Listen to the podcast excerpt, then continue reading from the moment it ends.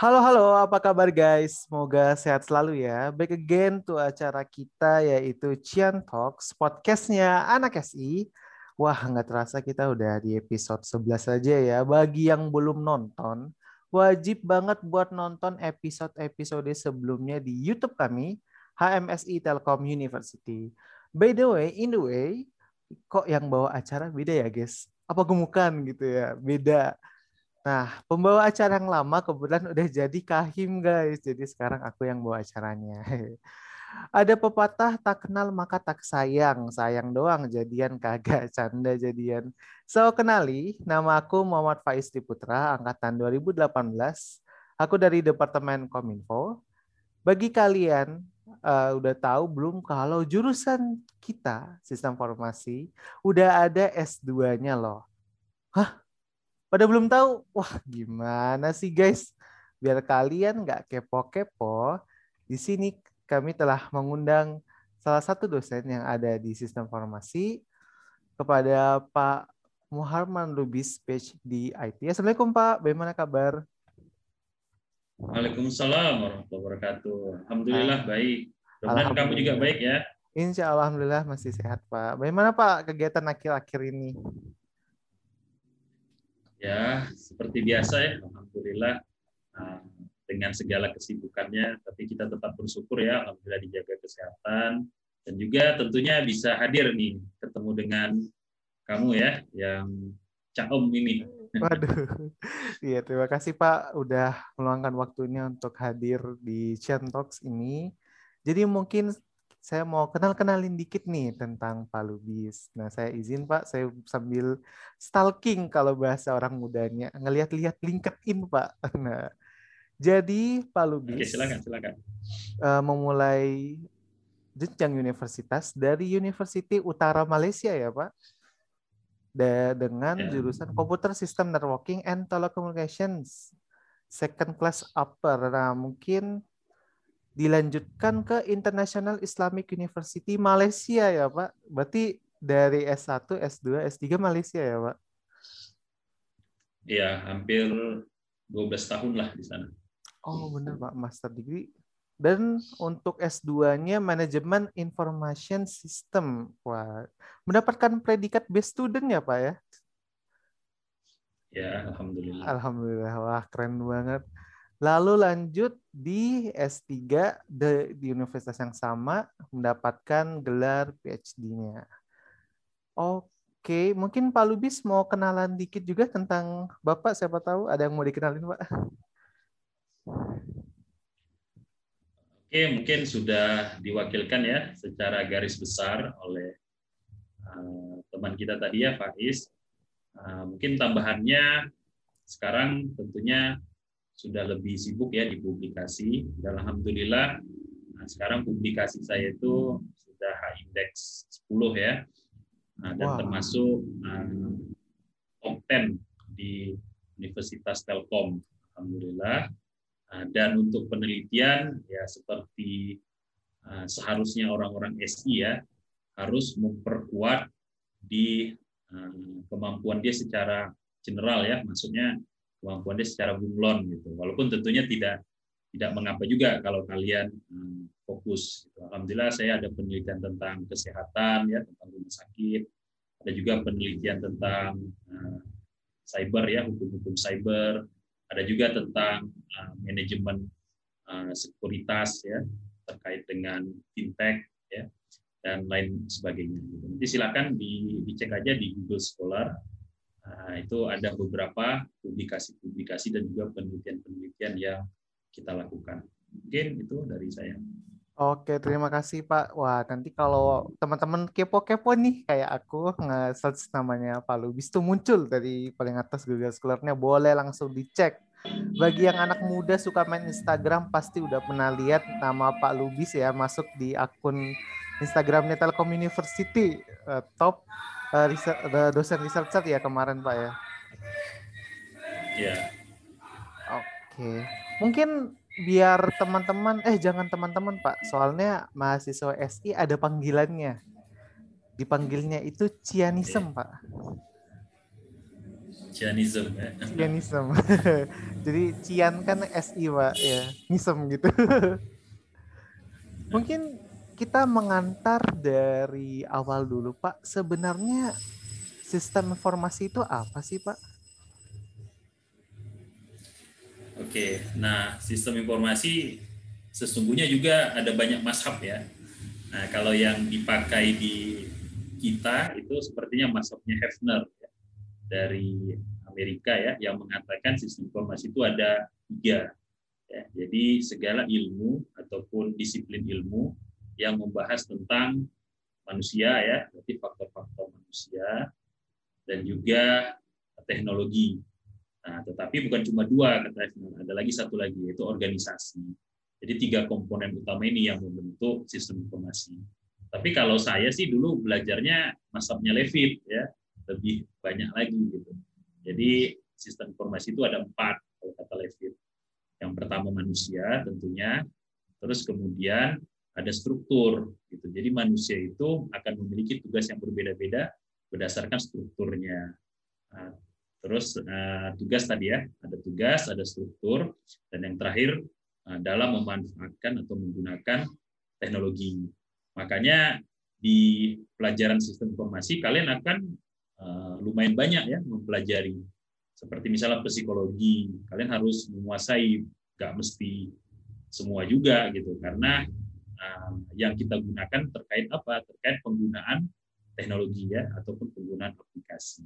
Nah, itu uh, sistem informasi dan ini termasuk jurusan ataupun ilmu ya yang sifatnya multidisiplin. Dan sekarang juga kalau saya lihat ya perkembangan ilmu ya arahnya sudah ke multidisiplin, nggak bisa kita nafikan lagi. Kalian pasti akan mendengar istilah seperti bioengineering, ya, biomedicine. Nah, ini kan adalah bukti ya sudah ada proses kolaborasi ataupun kombinasi antara satu spesifikasi ilmu yang kita miliki. Dan tentunya kalian termasuk orang yang beruntung ya karena berada di jurusan sistem informasi. Nah, mungkin sebagian anak-anak SI yang mungkin awalnya bingung, lah kok kita belajar psikologi? Nah, mungkin bisa terjawab ya, Pak. Kita waktu semester 2 kan belajar beberapa mata kuliah yang berhubungan dengan mempelajari uh, orang ya, Pak ya. Tapi tentu nggak bisa ya. disamakan sama psikologi beneran mereka pasti lebih dalam ya pak ya ya kan ada juga perilaku organisasi kan pelajari kan ya, sumber pak. daya manusia dan seterusnya nah, jadi itu penting juga ya pak ternyata wah teman-teman jangan ngeremehin ya. oke pak saya lanjut berarti wah ada macam-macam ya pak sistem formasi itu mungkin untuk Telkom University sendiri visi misinya apa sih pak jurusan kita ini? Oke nah ini alhamdulillah kita Eh, sudah dapat ya persetujuan dari Direktorat eh, Jenderal Perguruan Tinggi ya atau Pendidikan Tinggi untuk melaksanakan studi magister. Dan ini prosesnya lumayan panjang juga ya hampir dua tahun. Bahkan kalau mau dibilang suka dukanya ya lumayan juga gitu. Dari yang tiba-tiba setelah kita submit formatnya berubah ya sehingga mau tidak mau kita harus mengubah juga ya dokumentasi-dokumentasi. Terus kemudian juga sempat beberapa kali dikembalikan ya untuk penyempurnaan evidence ataupun uh, dokumen-dokumennya ya, sampai tiga kali itu dan memang arahnya lebih ke administratif gitu. Dan alhamdulillah nah, kita sudah mewujudkannya. Nah visi kita tentunya akan sejalan ya dengan visi yang dimiliki oleh uh, universitas tercinta kita di mana kita akan berusaha menjadi prodi yang fokus kepada penelitian dan juga entrepreneur Nah, ini termasuk sekali lagi ya, kalian termasuk mahasiswa yang beruntung. Kenapa? Karena bisa dikatakan kita lah pionirnya, ya, yang fokus kepada entrepreneur ataupun startup. Ya, hampir bisa kita katakan bahwa uh, sebelum Telu tidak ada universitas-universitas yang lain yang fokus kepada entrepreneur. Kalau terkait dengan penelitian, ya tentu banyak ya universitas yang lain, tetapi kita termasuk yang uh, lumayan uh, applied terkait dengan ilmu-ilmunya. Kenapa? Karena kita punya link ya ataupun punya kerjasama dengan banyak organisasi-organisasi ataupun perusahaan-perusahaan. Nah, dua inilah yang menjadi visi dari Universitas Telkom dan tentunya kita akan sejalan dengan visi tersebut ya dan harapannya di tahun 2025 ya. Dan ini uh, menjadi target kita ya untuk menjadi program studi magister sistem informasi terbaik di Indonesia ya. Mudah-mudahan dan uh, saya harapkan juga doanya ya dari kalian semua. Nah untuk misinya nah, tentu nanti kita coba jabarkan ya. Misi kita uh, tidak akan terlalu jauh berbeda ya dengan uh, misi yang ada di sistem informasi uh, sarjananya atau S1-nya. Uh, kita akan fokus juga melanjutkan uh, visi misi dari uh, S1 ya. Nah, dalam kaitan ini mungkin lebih uh, apa namanya lebih dikuatkan ya terkait dengan multidisiplinnya. Kalau di S1 kalian pasti akan tahu ya ada penyelenggaraan kelompok keahlian ya ada ada dua kelompok keahlian ya cybernetics dan enterprise industrial system nah kalau di magister kita gabungkan ya. Nah, jadi tidak ada lagi uh, perbedaan dari kelompok keahlian. Di sini kita akan membedakan dari sisi uh, peminatannya ya. Jadi ada digital bisnis ya digital uh, arsitektur ya. Kemudian digital entrepreneur ya entrepreneurship ya. Dan juga terkait dengan apa namanya networknya ya jadi empat saja ya uh, yang ada di di magister dan ini sebenarnya merupakan advance ataupun uh, peminatan lanjut ya uh, yang tentunya tidak akan melupakan multidisiplin tadi. Jadi kalaupun kamu misalnya ngambil digital bisnis, ya kamu akan fokus bukan hanya terkait dengan transformasi digital ya tetapi juga akan ada beberapa materi-materi dari EA juga yang masuk ke dalam. Ada juga dari manajemennya ya. Terus kemudian kalau kamu misalnya fokus ke digital governance ya, tadi lupa saya bilangnya ada digital governance. Nah ini juga nanti akan fokus kepada uh, ada akuntabilitas ya terkait dengan penggunaan software ERP ya. Ada juga uh, decision making yang terkait dengan dashboard ataupun business intelligence. Uh, sehingga bisa dikatakan ya advance lah dari beberapa peminatan-peminatan yang ada di studi sarjana. Itu yang pertama ya misi kita. Yang kedua tentunya kita berusaha untuk memberikan ya ataupun menciptakan ya ataupun men-trigger memicu mahasiswa-mahasiswa itu mampu berpikir secara solutif ya karena insya Allah kalian sudah paham lah ya dengan teori-teorinya dan juga aplikasi atau penerapannya tapi tentunya ya dunia kerja itu penuh dengan obstacle-obstacle atau rintangan-rintangan yang uh, lumayan berat gitu ya ataupun lumayan susah sehingga kadang-kadang kita tidak bisa berlaku ideal ya, atau bersifat ideal tentu akan ada paradigma pragmatis di sini. Nah, harapan kita mahasiswanya bisa uh, memberikan solusi-solusi ya yang sifatnya uh, critical thinking dan juga novelty ataupun keterbaruan. Dan ini tentu uh, harus dimiliki oleh seluruh mahasiswa-mahasiswa dari sistem informasi. Terus kemudian kita juga berusaha untuk mengabdi ya kepada komunitas-komunitas ataupun masyarakat-masyarakat ya. Kenapa? Karena tentunya kita tidak bisa hanya berpikir secara materi ya. ya gampangnya kamu kalau mau dihormati ya tentu kamu harus menghormati ya kamu mau dianggap baik ya kamu harus berlaku baik juga. Nah ini kita harapkan mahasiswa-mahasiswa dari magister ini uh, kontributif ya terkait dengan acara-acara ataupun peningkatan kesejahteraan masyarakat di uh, tempat tinggalnya ataupun di lingkungannya. Dan yang terakhir kita uh, berharap ya mahasiswa-mahasiswa juga dan juga tentunya prodi yang akan menjadi jembatannya untuk program-program yang dicanangkan oleh pemerintah yang terkait dengan peningkatan kualitas pendidikan ya. Karena suatu teori tentu eh, seiring berjalannya waktu juga akan mengalami perbaikan-perbaikan ya. Misalnya ada conference-conference ya seminar-seminar dan juga tentunya nanti asosiasi-asosiasi juga bisa jadi mengeluarkan standar-standar yang baru ya yang tentunya perusahaan ya cenderung membutuhkan yang baru ini ya karena tren berubah ya kebutuhan berubah ya pola-pola hidup juga berubah ya dan mau tidak mau harus ada sifat atau sikap yang adiktif yang dimiliki oleh mahasiswa. Nah, jadi itu misi kita ya, ada empat. Yang pertama kita akan uh, geber ya terkait dengan peminatan uh, kalian ya. Uh, kita coba wujudkan ya mahasiswa yang memiliki kompetensi ya, tentunya berdasarkan uh, sistem informasi advance dan juga nilai-nilai Pancasila. Kita juga berusaha untuk uh, menciptakan mahasiswa yang orientasinya novelty ya, keterkinian dan juga critical thinking. Kita juga ingin mahasiswanya bisa kontributif kepada masyarakat sekitar dan juga tentunya yang terakhir kepada program-program yang dimiliki oleh pemerintah kita ataupun dalam hal ini khususnya Direktorat uh, Pendidikan Tinggi ya untuk peningkatan kualitas pendidikan dan juga sumber daya manusia. Oke, nah itu sebenarnya termasuk salah satu keunggulan ya dari Universitas Telkom. Di mana kalau kamu tahu ada Eh, program Kampus Merdeka ya yang diinisiasi oh, iya, oleh Menteri Pendidikan kita.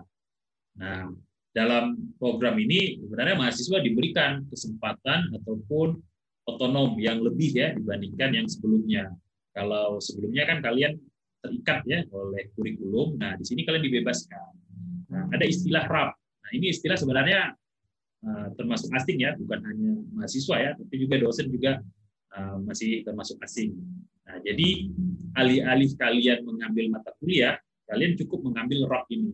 Nanti nilainya atau ekuivalensinya itu akan sejumlah SKS yang ada di kurikulum-kurikulum kalian. Contoh misalnya kayak ROP entrepreneurship ya, itu setahu saya sih 18 SKS nilainya. Ada juga ROP internship ya, di mana kalian magang gitu di perusahaan-perusahaan yang ada ya. Nah, itu nilainya sekitar 18 sampai 20 SKS. Hmm, nah, jadi cukup kalian fokus ke rapnya itu, kalian tidak perlu mengambil mata kuliah ya, terutama sih mata kuliah peminatan ya. Nah, ada tiga, sorry, ada empat rap yang yang uh, diinisiasi ya di Telkom University. Selain yang saya sudah sebutkan tadi, ada juga rap apprenticeship ya terkait dengan manajemen proyek ya dan ini kemungkinan besar terkait dengan proyek-proyek ataupun program-program di Universitas Telkom ataupun kolaborasi dengan universitas-universitas yang lain. Ada juga RAP uh, research ya untuk hmm. penelitian. Jadi kalian fokus saja ke penelitian dan tentunya Telkom juga sudah punya ya lab-lab, laboratorium ataupun uh, unit-unit uh, penelitian. Jadi tinggal gabung di unit penelitian dan kamu fokus uh, ke penelitian-penelitian yang terkini. Nah, itu salah satu uh, keunggulan ya yang ada di Telkom dan kita akan coba uh, sinkronkan ya visi misi universitas tadi ya yang fokus ke penelitian dan juga entrepreneur itu dalam magister uh, dalam program magister kita. Jadi uh, di semester satu ya kalau kamu memang mau mengambil uh, RAP ya nanti kita buka untuk sekarang sih kemungkinan besar cuma dua ya yang research penelitian dan yang terakhir entrepreneurship ya. Sementara yang dua lagi itu masih di sarjana ya di S1-nya gitu. Jadi ketika kamu sudah ngambil RAP, kamu fokus saja di RAP-nya gitu ya. Tentu nanti akan ada bimbingan-bimbingan uh, ya terkait tetapi fokus atau orientasi pengajaran ataupun pembelajaran yang sedikit berbeda dengan di kelas ya. Nah, tapi kalau kamu mau ngambil kelas itu juga silahkan. Nah, jadi kebebasan-kebebasan memilih ini mudah-mudahan ya bisa mengakomodasi perbedaan ataupun skill-skill dari mahasiswa. Karena mahasiswa tentunya tidak bisa kita katakan um, apa ya satu orang lebih baik dari orang yang lain ya. Karena dalam um, kenyataannya ada mahasiswa-mahasiswa yang misalnya dia lebih kuat di auditori ya, di pendengarannya ada juga mahasiswa yang lebih kuat misalnya di visualnya. Ada juga mahasiswa yang lebih kuat misalnya di implementasinya. Ya. Nah, inilah kecerdasan-kecerdasan yang berbeda ya tiap-tiap orang dan tentunya satu sistem pembelajaran atau metode pembelajaran tentu tidak tidak efektif ya karena hanya mengakomodasi satu jenis uh, kemampuan ataupun keunggulan dari mahasiswa. Dan harapan kita dengan adanya banyak pilihan ini, semua mahasiswa itu bisa terakomodasi. Dan mudah-mudahan ya misi kita menciptakan kecerdasan bangsa itu tercapai ya, khususnya mahasiswa-mahasiswa yang sudah memilih uh, magister sistem informasi. Amin, Pak. Nah, jadi teman-teman itu kampus Merdeka yang kurang familiar langsung cek Google kalau masih pada bingung. Banyak banget juga kok program-program magang ada juga ya Pak di kampus Merdeka bisa konversi SKS atau mungkin yang sempat ramai kemarin Google Bangkit juga ya Pak ya. Salah satu program uh, ya. yang dari kampus Merdeka juga ya Pak ya kamu Bangkit. Ya, yang yang dibuka itu setahu saya yang ini ya BUMN ya BUMN, magang di BUMN, sama yang kemarin kerjasama dengan Google. Ya. Ya. Tapi tidak menutup kemungkinan di ke depannya pasti akan ada kerjasama-kerjasama yang Nah, oke. Okay. Kita mungkin kembali lagi Pak tentang jurusan kita uh, informasi. Sebenarnya mungkin ada beberapa pertanyaan atau sesuatu yang agak orang-orang S1 sistem informasi mahasiswanya Pak Penasari, kenapa sih kita harus kuliah S2 di sistem informasi Telkom gitu Pak? Oke, nah ini juga sebenarnya terkait dengan pemahaman ya ataupun kepercayaan diri ya. Tidak bisa dinafikan bahwa bagi mereka yang memiliki pendidikan yang S1, kemudian S2, S3. Nah, kalau di S1 tentu di bawahnya ada di 3 ya ataupun SMA. Nah, tentunya yang memiliki pendidikan yang lebih tinggi pasti akan lebih percaya diri ya, pasti akan lebih yakin gitu, pasti akan lebih paham. Nah, kita ingin uh, meningkatkan kepercayaan diri kalian tersebut dengan mengambil ya pendidikan ataupun studi lanjut. Itu secara psikologinya ya tentunya Terus yang kedua, ya tentunya dari sisi um, penghargaan ya dari perusahaan-perusahaan. Ya, ketika kalian uh, melamar kerja dengan ijazah S1, tentu pasti akan berbeda kalau kalian memberikan ijazah uh, S2. Tentu kalian akan memiliki daya tawar yang lebih tinggi ya dibandingkan S1. Kemudian dari sisi pergaulan juga ya. Nah, di mana untuk S1 cenderung Eh, kalian belajar teoritisnya ya.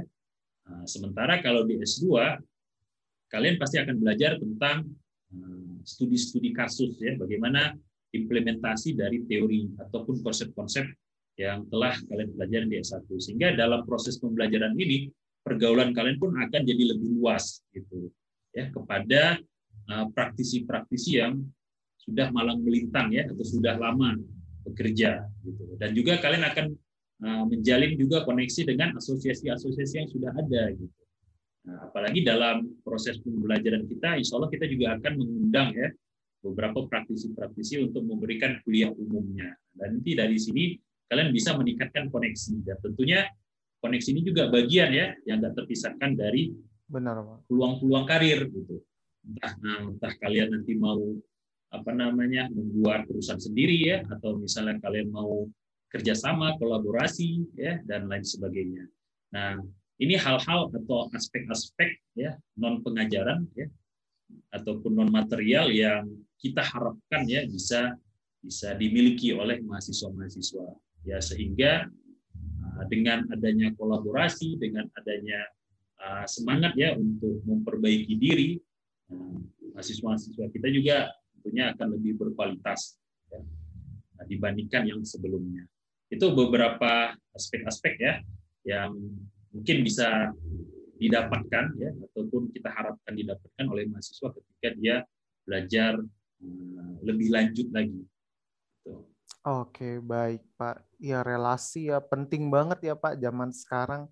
Orang bahasa anak mudanya itu link ya. Pak. Ya.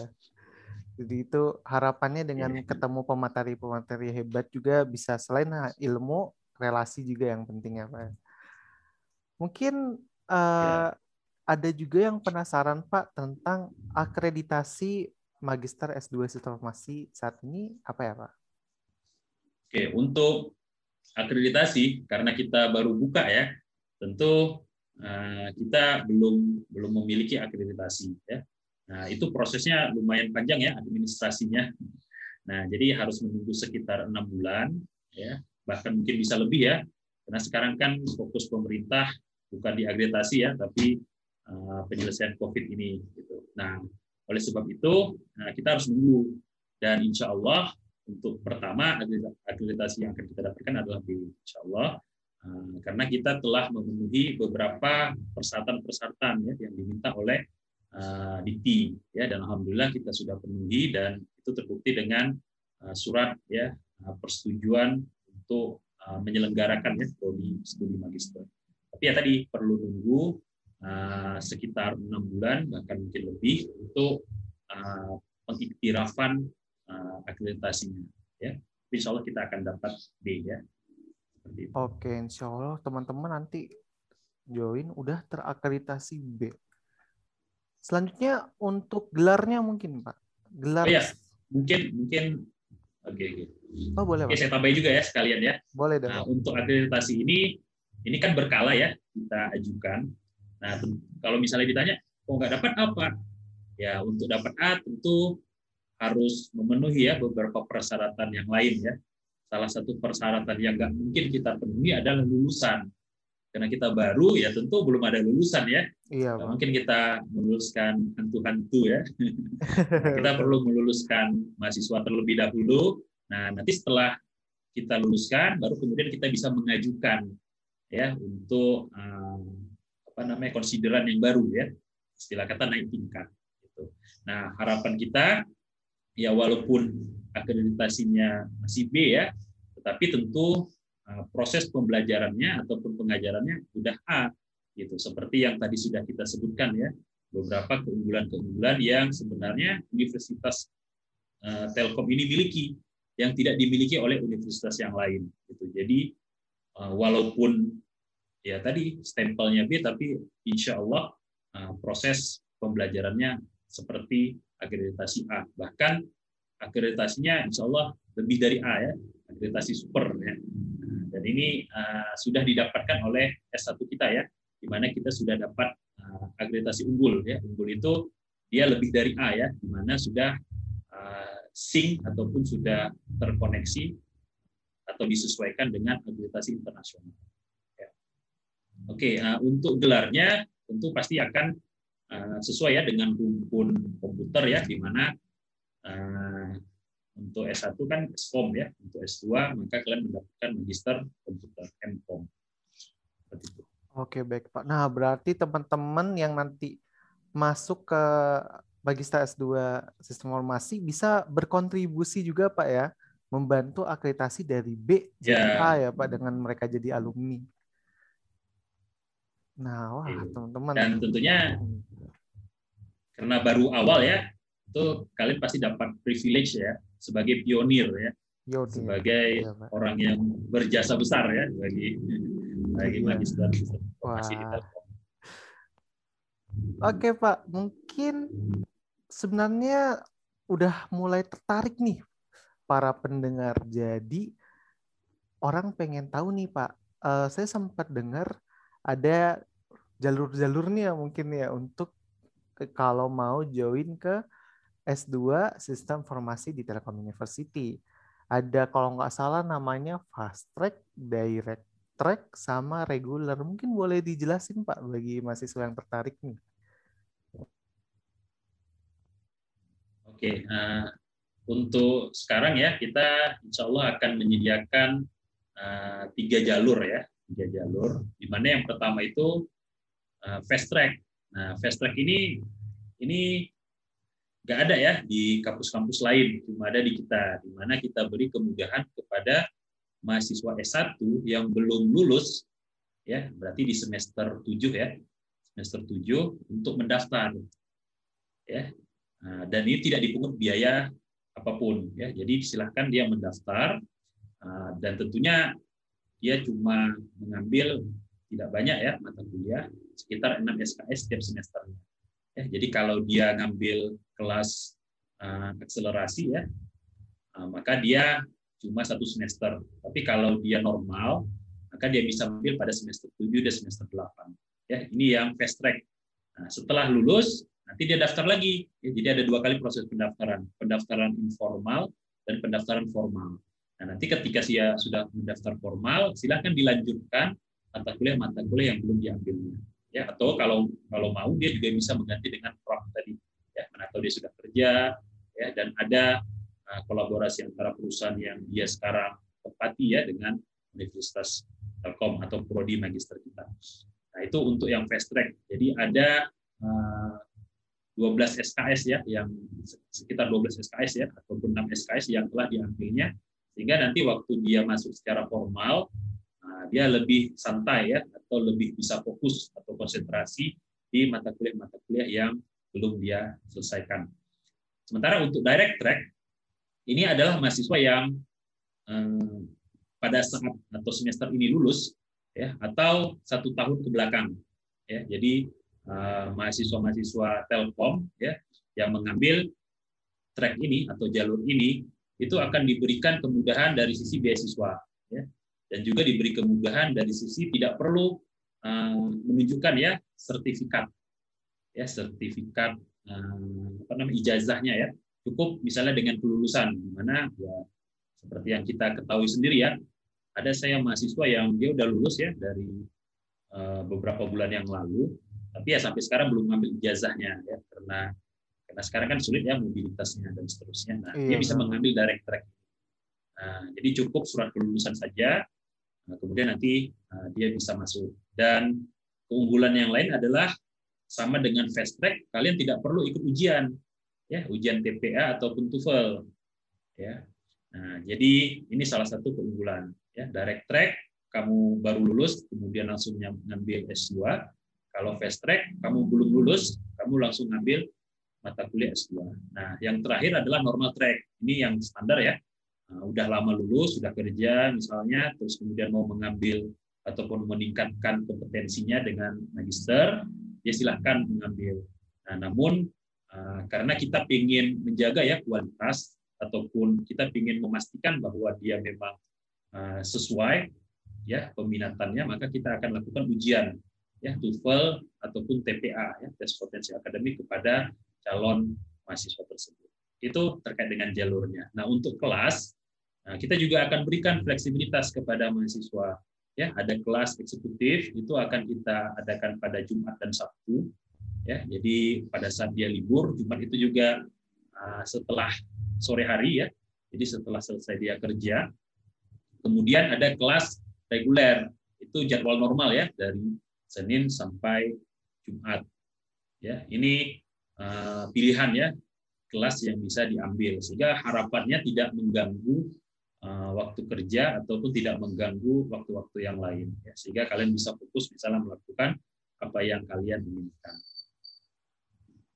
Oke. Okay. Oh, oh, tadi sempat berarti syarat untuk reguler itu tes TOEFL ya Pak. Mungkin kalau boleh tahu persyaratannya apa aja ya Pak? Berarti kalau kita pengen melanjutkan ke S2 ini. Oke, nah kalau yang direct track sama fast track itu kan untuk lulus dari Telkom kalian juga sudah harus memenuhi syarat-syarat TOEFL ya. Iya benar. Syarat-syarat yang lain. Nah, nah itu tinggal dipenuhi saja. Nah, untuk yang normal track itu yang uh, lumayan uh, berat ya syarat-syarat lengkapnya bisa dicek ya di bagian admisi ataupun bagian penerimaan ya uh, yang saya tahu untuk tumpel sih sekitar 450 begitu juga untuk TPA-nya ya oke okay. correct me if, I, if I'm wrong ya jadi tinggal dicek aja syaratnya nah untuk kelas dan eksekut uh, kelas reguler dan eksekutif itu bisa masuk dari semua track ya jadi yang kelas reguler misalnya, ada dari fast track, ada dari direct track, ada dari normal track. Itu bisa saja, nggak ada masalah. Itu lebih kepada uh, jadwal, ya, jadwal pembelajaran kalian. Ya, sementara kalau tadi jalur itu ketika kalian uh, mendaftar, ya. Jadi ada tiga metode pendaftaran yang bisa kalian lakukan sesuai dengan kondisi kalian masing-masing. Oke. Berarti teman-teman nanti untuk informasi lengkapnya boleh diakses di websitenya. Mungkin nanti di deskripsi YouTube kita kasih ya teman-teman langsung dicek aja.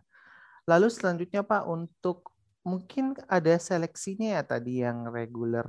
Kalau seandainya reguler ya ada ujiannya berarti apa ya? Yang normal ya, normal. Yang normal. Oke, ada normal. Oke, normal track. Itu dilakukan secara online kah Pak atau bagaimana? Ya, itu dilakukan secara online dan ada jadwal-jadwalnya ya. Ada kalau nggak salah sih ada sekitar 6 batch ya yang bisa kalian pilih. Kalau yang normal berarti untuk uh, ini berarti mahasiswa yang satu tahun sudah lulus ya. Uh, jadi satu tahun ke atas yang sudah lulus ya, satu, dua dan seterusnya. Tapi kalau dia masih dalam satu tahun ke bawah, dia ambil saja direct track. Nah, kalau dia ngambil direct track, dia nggak perlu ikut ujian. Dia cukup ikut interview saja, wawancara. Ya, begitu juga yang fast track. Oke, Oke. nah untuk yang ujian tadi ada jadwalnya ya, jadi tinggal disesuaikan saja dengan uh, availabilitas kalian. I see, Pak. Wah, berarti untuk mahasiswa yang masih kuliah ataupun lulus di bawah satu tahun sangat dipermudah sekali ya Pak untuk bisa melanjutkan ke jenjang lebih tinggi ini. Ya. Waduh, ayo apalagi nih guys. Ya ada kesempatan besar buat menimba ilmu lebih tinggi dari universitas kita tercinta. Mungkin eh, saya mau nanya Pak untuk jadwal perkuliahannya ini tadi sempat disinggung sedikit ya Pak yang tentang hari-harinya. Mungkin mau dijelaskan lebih detail Pak untuk jadwal perkuliahannya gimana? Oke, nah untuk kalender akademik tentunya kita akan sejalan ya dengan um, apa yang sudah diputuskan oleh universitas dan kemungkinan besar kita akan barengan juga dengan semester baru ya dari sarjana atau S1 ya di mana perkuliahan akan dimulai pada uh, awal September ya awal September. Nah kemudian untuk uh, jadwal tadi ya kalau kalian misalnya sudah kerja ya merasa uh, tidak bisa seperti dulu lagi ya maka silahkan ambil kelas eksekutif ya hari Jumat Sabtu proses pembelajarannya. Ya. dan itu tentunya pengorbanan ya yang harus dilakukan ya. Insya Allah pengorbanan kalian juga akan berbuah manis. Nah bagi yang misalnya masih um, belum kerja ya atau misalnya mau fokus dulu ke pengajaran atau pembelajaran bisa ngambil kelas yang reguler. Kalau kelas reguler ini seperti yang sekarang kalian lakukan ya. Kalian belajar pada Senin sampai Jumat. Ya walaupun kalau di S1 ada tambahan Sabtunya ya. Nah, jadi uh, bisa bisa paginya ya, bisa sorenya. Jadi waktunya lebih longgar dan insya Allah tidak akan terburu-buru ya ataupun tidak akan uh, penuh gitu di, satu hari. Beda dengan yang eksekutif. Nah, jadi masing-masing ada pro and cons-nya dan mudah-mudahan uh, kalian bisa menyesuaikan ya dengan jadwal-jadwal tersebut. Nah, berarti buat teman-teman yang memang uh, sudah memplanningkan untuk kerja, bisa-bisa aja untuk tetap melanjutkan kuliah dengan mengikuti kelas eksklusif ya Pak namanya tadi di hari Jumat dan Sabtu itu. Oke, okay. oh, terus kalau boleh tahu Pak untuk metode pengajarannya selama kita kuliah nanti bagaimana? Oke, okay, nah ini termasuk uh, hal yang sekarang sedang kita pertimbangkan ya, karena izin dari diktinya kan tatap muka ya. Nah, tetapi menimbang kondisi yang sekarang sedang kita hadapi ya, kemungkinan besar sih kita akan coba hybrid ya. Tapi ini bagi mereka yang berKTP Bandung ya. Kalau situasi tidak memungkinkan, maka kita akan memperlakukan full online. Nah, untuk metode pengajarannya tentunya akan sedikit berbeda ya dengan yang sudah kita lakukan bersama ya di sarjana atau di S1. Nah, di mana kalau di S1 kalian coba untuk memahami ataupun uh, mempelajari teori-teori ataupun konsep yang ada ya. Sementara kalau di S2 ini akan lebih banyak diskusi ya dan kita ingin partisipasi aktif ya uh, dari masing-masing mahasiswa. Dan ini yang akan kita fokuskan ya, diskusi-diskusi terus kemudian analisa-analisa terkait dengan kasus-kasus ataupun situasi yang terjadi dan uh, sebisa mungkin mahasiswa-mahasiswa itu akan dinilai dari keaktifannya ini ya ataupun partisipasinya ini. Jadi akan lebih banyak diskusi ya. Uh, ini dari sisi metode pembelajarannya. Terus kemudian dari sisi ini juga uh, terkait dengan paradigma ataupun perspektif itu akan kita coba ajarkan atau bahasa gampangnya algoritmanya lah ya algoritmanya. Jadi cara berpikir sistematis bagaimana, cara berpikir logik bagaimana, cara berpikir rasio bagaimana dan seterusnya. Ya, jadi harapannya kalian akan menemukan ya perbedaan-perbedaan ataupun masab-masab yang berbeda dari sisi atau dari pola pikir. Ya. Nah, jadi uh, mudah-mudahan dengan ini akan muncul perspektif-perspektif yang baru ataupun uh, ide-ide yang out of the box. Ya. Jadi harapannya mahasiswa-mahasiswa yang dihasilkan ya ataupun yang yang kita coba bina itu mahasiswa-mahasiswa yang uh, berkaliber ya ataupun berkarakter. Jadi itu sedikit gambarannya perbedaannya, tapi secara uh, materi ya atau secara konsep kemungkinan besar sama ya. Jadi kalau kalian misalnya peminatan dulu ERP ya silahkan kalau mau dilanjutkan ERP-nya lagi, tapi tentunya kalian pasti akan menemukan perbedaan-perbedaan ya, di mana di situ akan kita coba uh, ajak kalian untuk berpikir kritis ya pada segmen-segmen yang lain juga. Kalau kalian misalnya mau melanjuti di data, silakan uh, lanjutkan juga di data ya. Misalnya mau mengambil digital bisnis ataupun digital entrepreneurship ya, uh, tidak mengapa ya. Tetapi nanti akan kita tawarkan atau kita ajak kalian untuk berpikir pada ruang-ruang yang sedikit ya berbeda dengan yang sudah kalian pahami sebelum ini. Ya, jadi seperti itu ya. Nah, gampangnya taman bermain lah. Gitu. Kalau dulu kalian disuruh belajar, sekarang kita um, akan lebih banyak bermain-main ya di ruang-ruang pembelajaran ini. Nah, berarti akan banyak diskusi dan mungkin banyak orang bilang POV ya Pak, sudut kita melihat uh, suatu ya. ilmu berarti lebih banyak lagi ya. Lalu ya. kalau boleh tahu Pak, untuk fasilitas yang ditawarkan kepada mahasiswa S2 ini apa aja sih Pak dari Telkom? Oke. Nah, itu nanti akan tergantung dengan uh, peminatan ya ataupun mode pembelajaran yang akan kalian uh, ambil ya atau akan kalian pilih. Tapi secara umum uh, setiap mahasiswa magister dia akan mendapatkan lodge ya ataupun beranda ya di mana di situ kalian bisa Eh, menggunakan untuk istirahat, untuk minum kopi ya, untuk uh, bercengkrama ya atau mendiskusikan beberapa hal ya dengan dengan mahasiswa-mahasiswa yang lain. Jadi ada satu beranda khusus untuk uh, mahasiswa S2 ya. Nah, tapi tentunya dalam situasi sekarang itu tidak tidak bisa ya kalian nikmati. Nah, kita akan coba wujudkan ini menjadi virtual room ya, di mana nanti akan ada proses pendidikan secara informal ya, di mana kalian bisa berdiskusi dengan kawan-kawan kalian yang lain dan kita akan coba tambah ya kuliah-kuliah umum ya, di mana setelah uh, proses penyajian materi kalian juga bisa berdiskusi dengan narasumber dan juga dengan kawan-kawan kalian yang lain. Jadi ruang lingkupnya lebih sedikit ya. Kalau kuliah umum yang biasa kita miliki kan ruang lingkupnya besar ya. Ada 100 mahasiswa, 200 mahasiswa. Nah, tentunya akan sulit ya untuk mengenal satu persatu. Tapi kalau ruang lingkupnya kecil, ya misalnya ada 10 orang, 20 orang, nah tentu insya Allah bisa lebih bercengkrama ya, bisa saling kenal, bisa saling bertukar pikiran di sana, dan juga mana tahu bisa menemukan jodoh juga di situ ya. Waduh. Jadi itu yang kita coba, eh, yang kita coba lakukan ya. Nah, itu ya. fasilitas yang pertama ya. Jadi ada beranda khusus bagi beranda. Oke, baik, Pak. Bagi mahasiswa. Terus untuk ini juga akan kita berikan kemudahan ya terkait dengan akses ke jurnal-jurnal ataupun paper-paper yang ada. Nah, karena balik lagi ya, ilmu ini kan bukan sesuatu yang sifatnya stagnan ya. Pasti dia akan ada improvement gitu, akan ada perbaikan-perbaikan.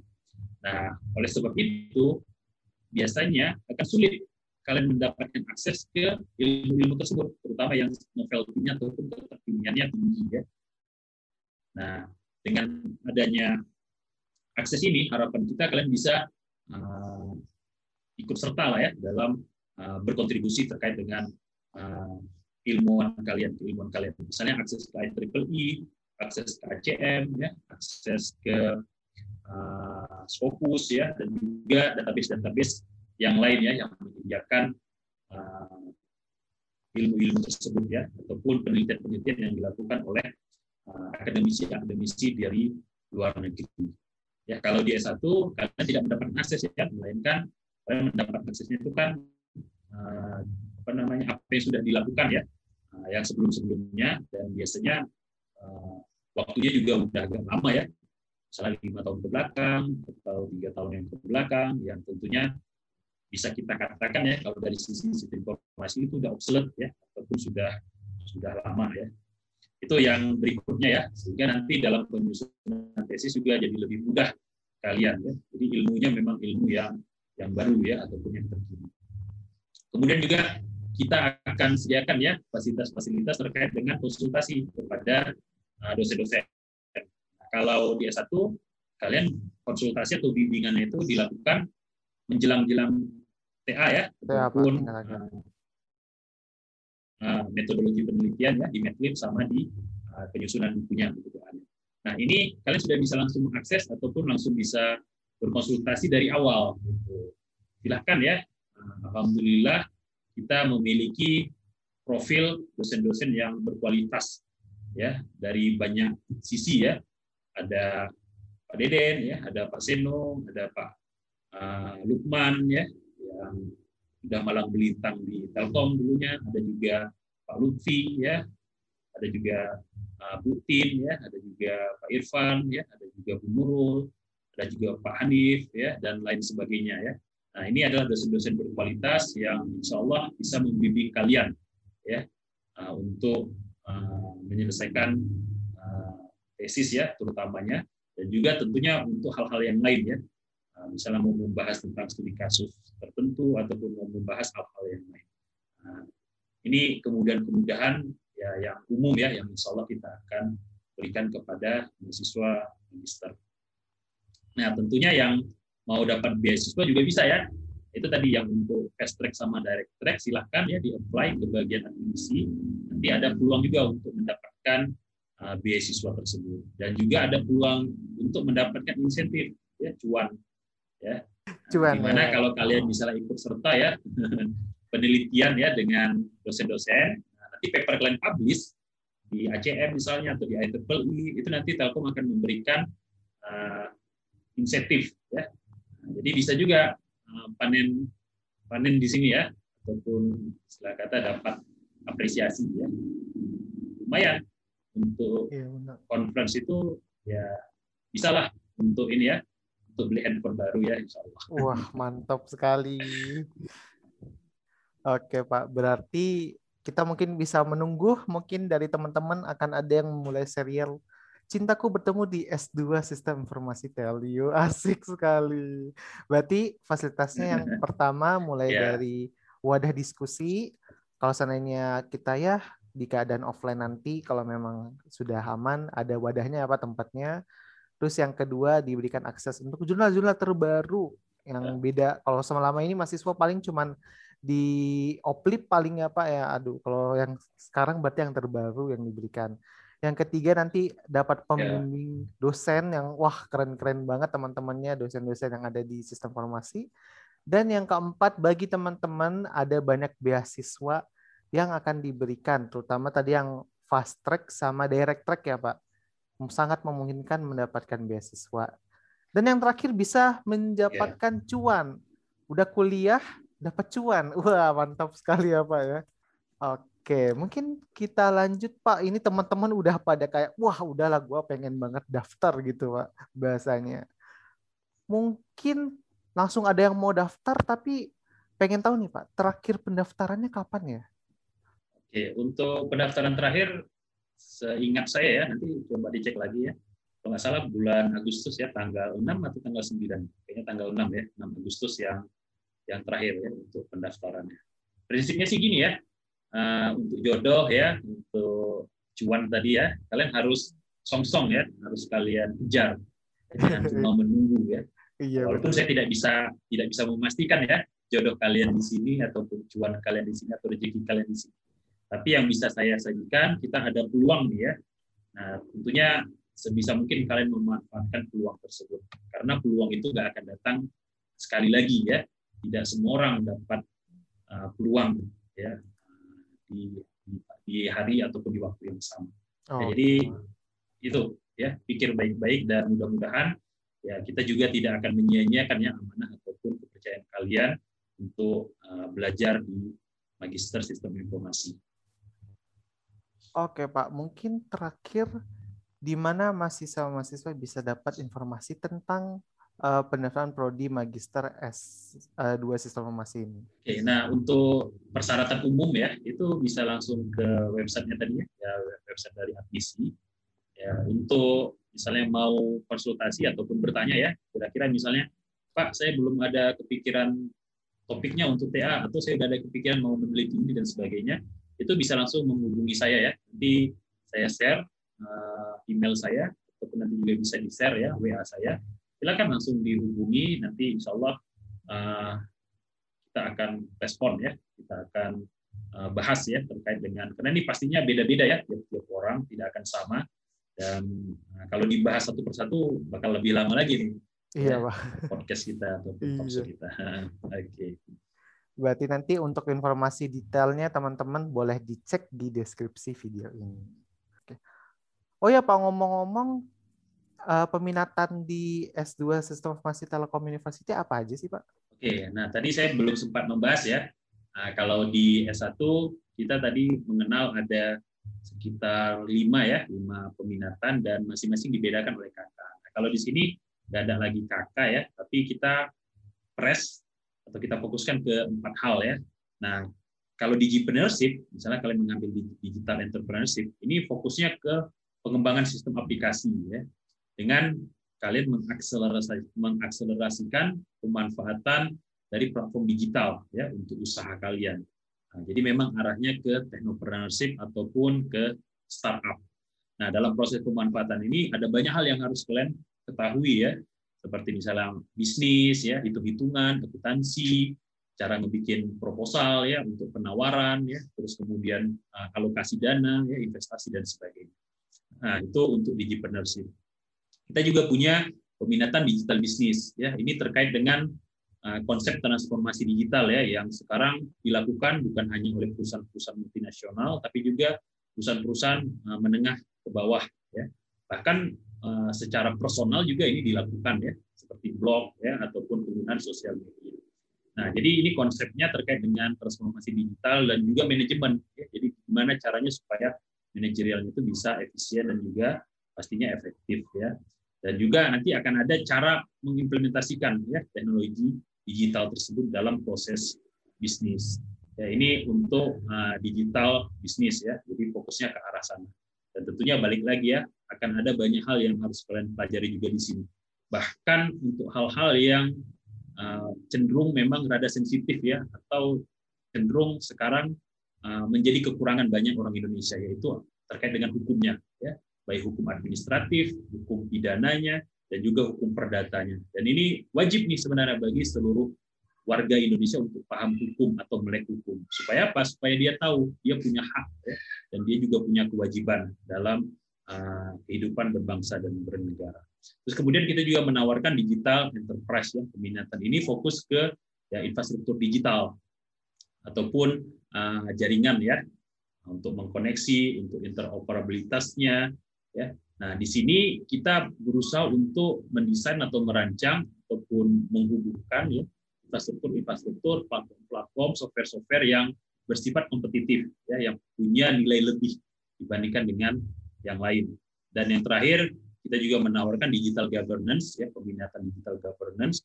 Ini mengedepankan kepada pembangunan ataupun pengembangan framework ya atau kerangka kerja yang terkait dengan akuntabilitas ya dalam pengambilan keputusan ya dalam dunia digital ataupun dunia usaha.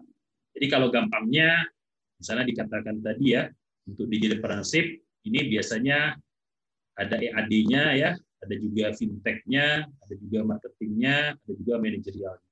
Ya, kalau digital bisnis itu uh, dasarnya dari ED ya, digital uh, sorry data engineering. Terus kemudian ada juga manajer manajemennya atau manajerialnya, ya, dan juga ada juga uh, pembahasan tentang bisnisnya juga ya.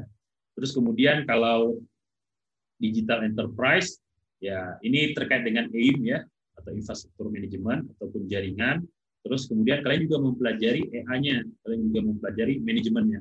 Ya. Nah, terus kemudian yang terakhir digital governance ini fokus ke strategi ataupun kebijakan digital ya.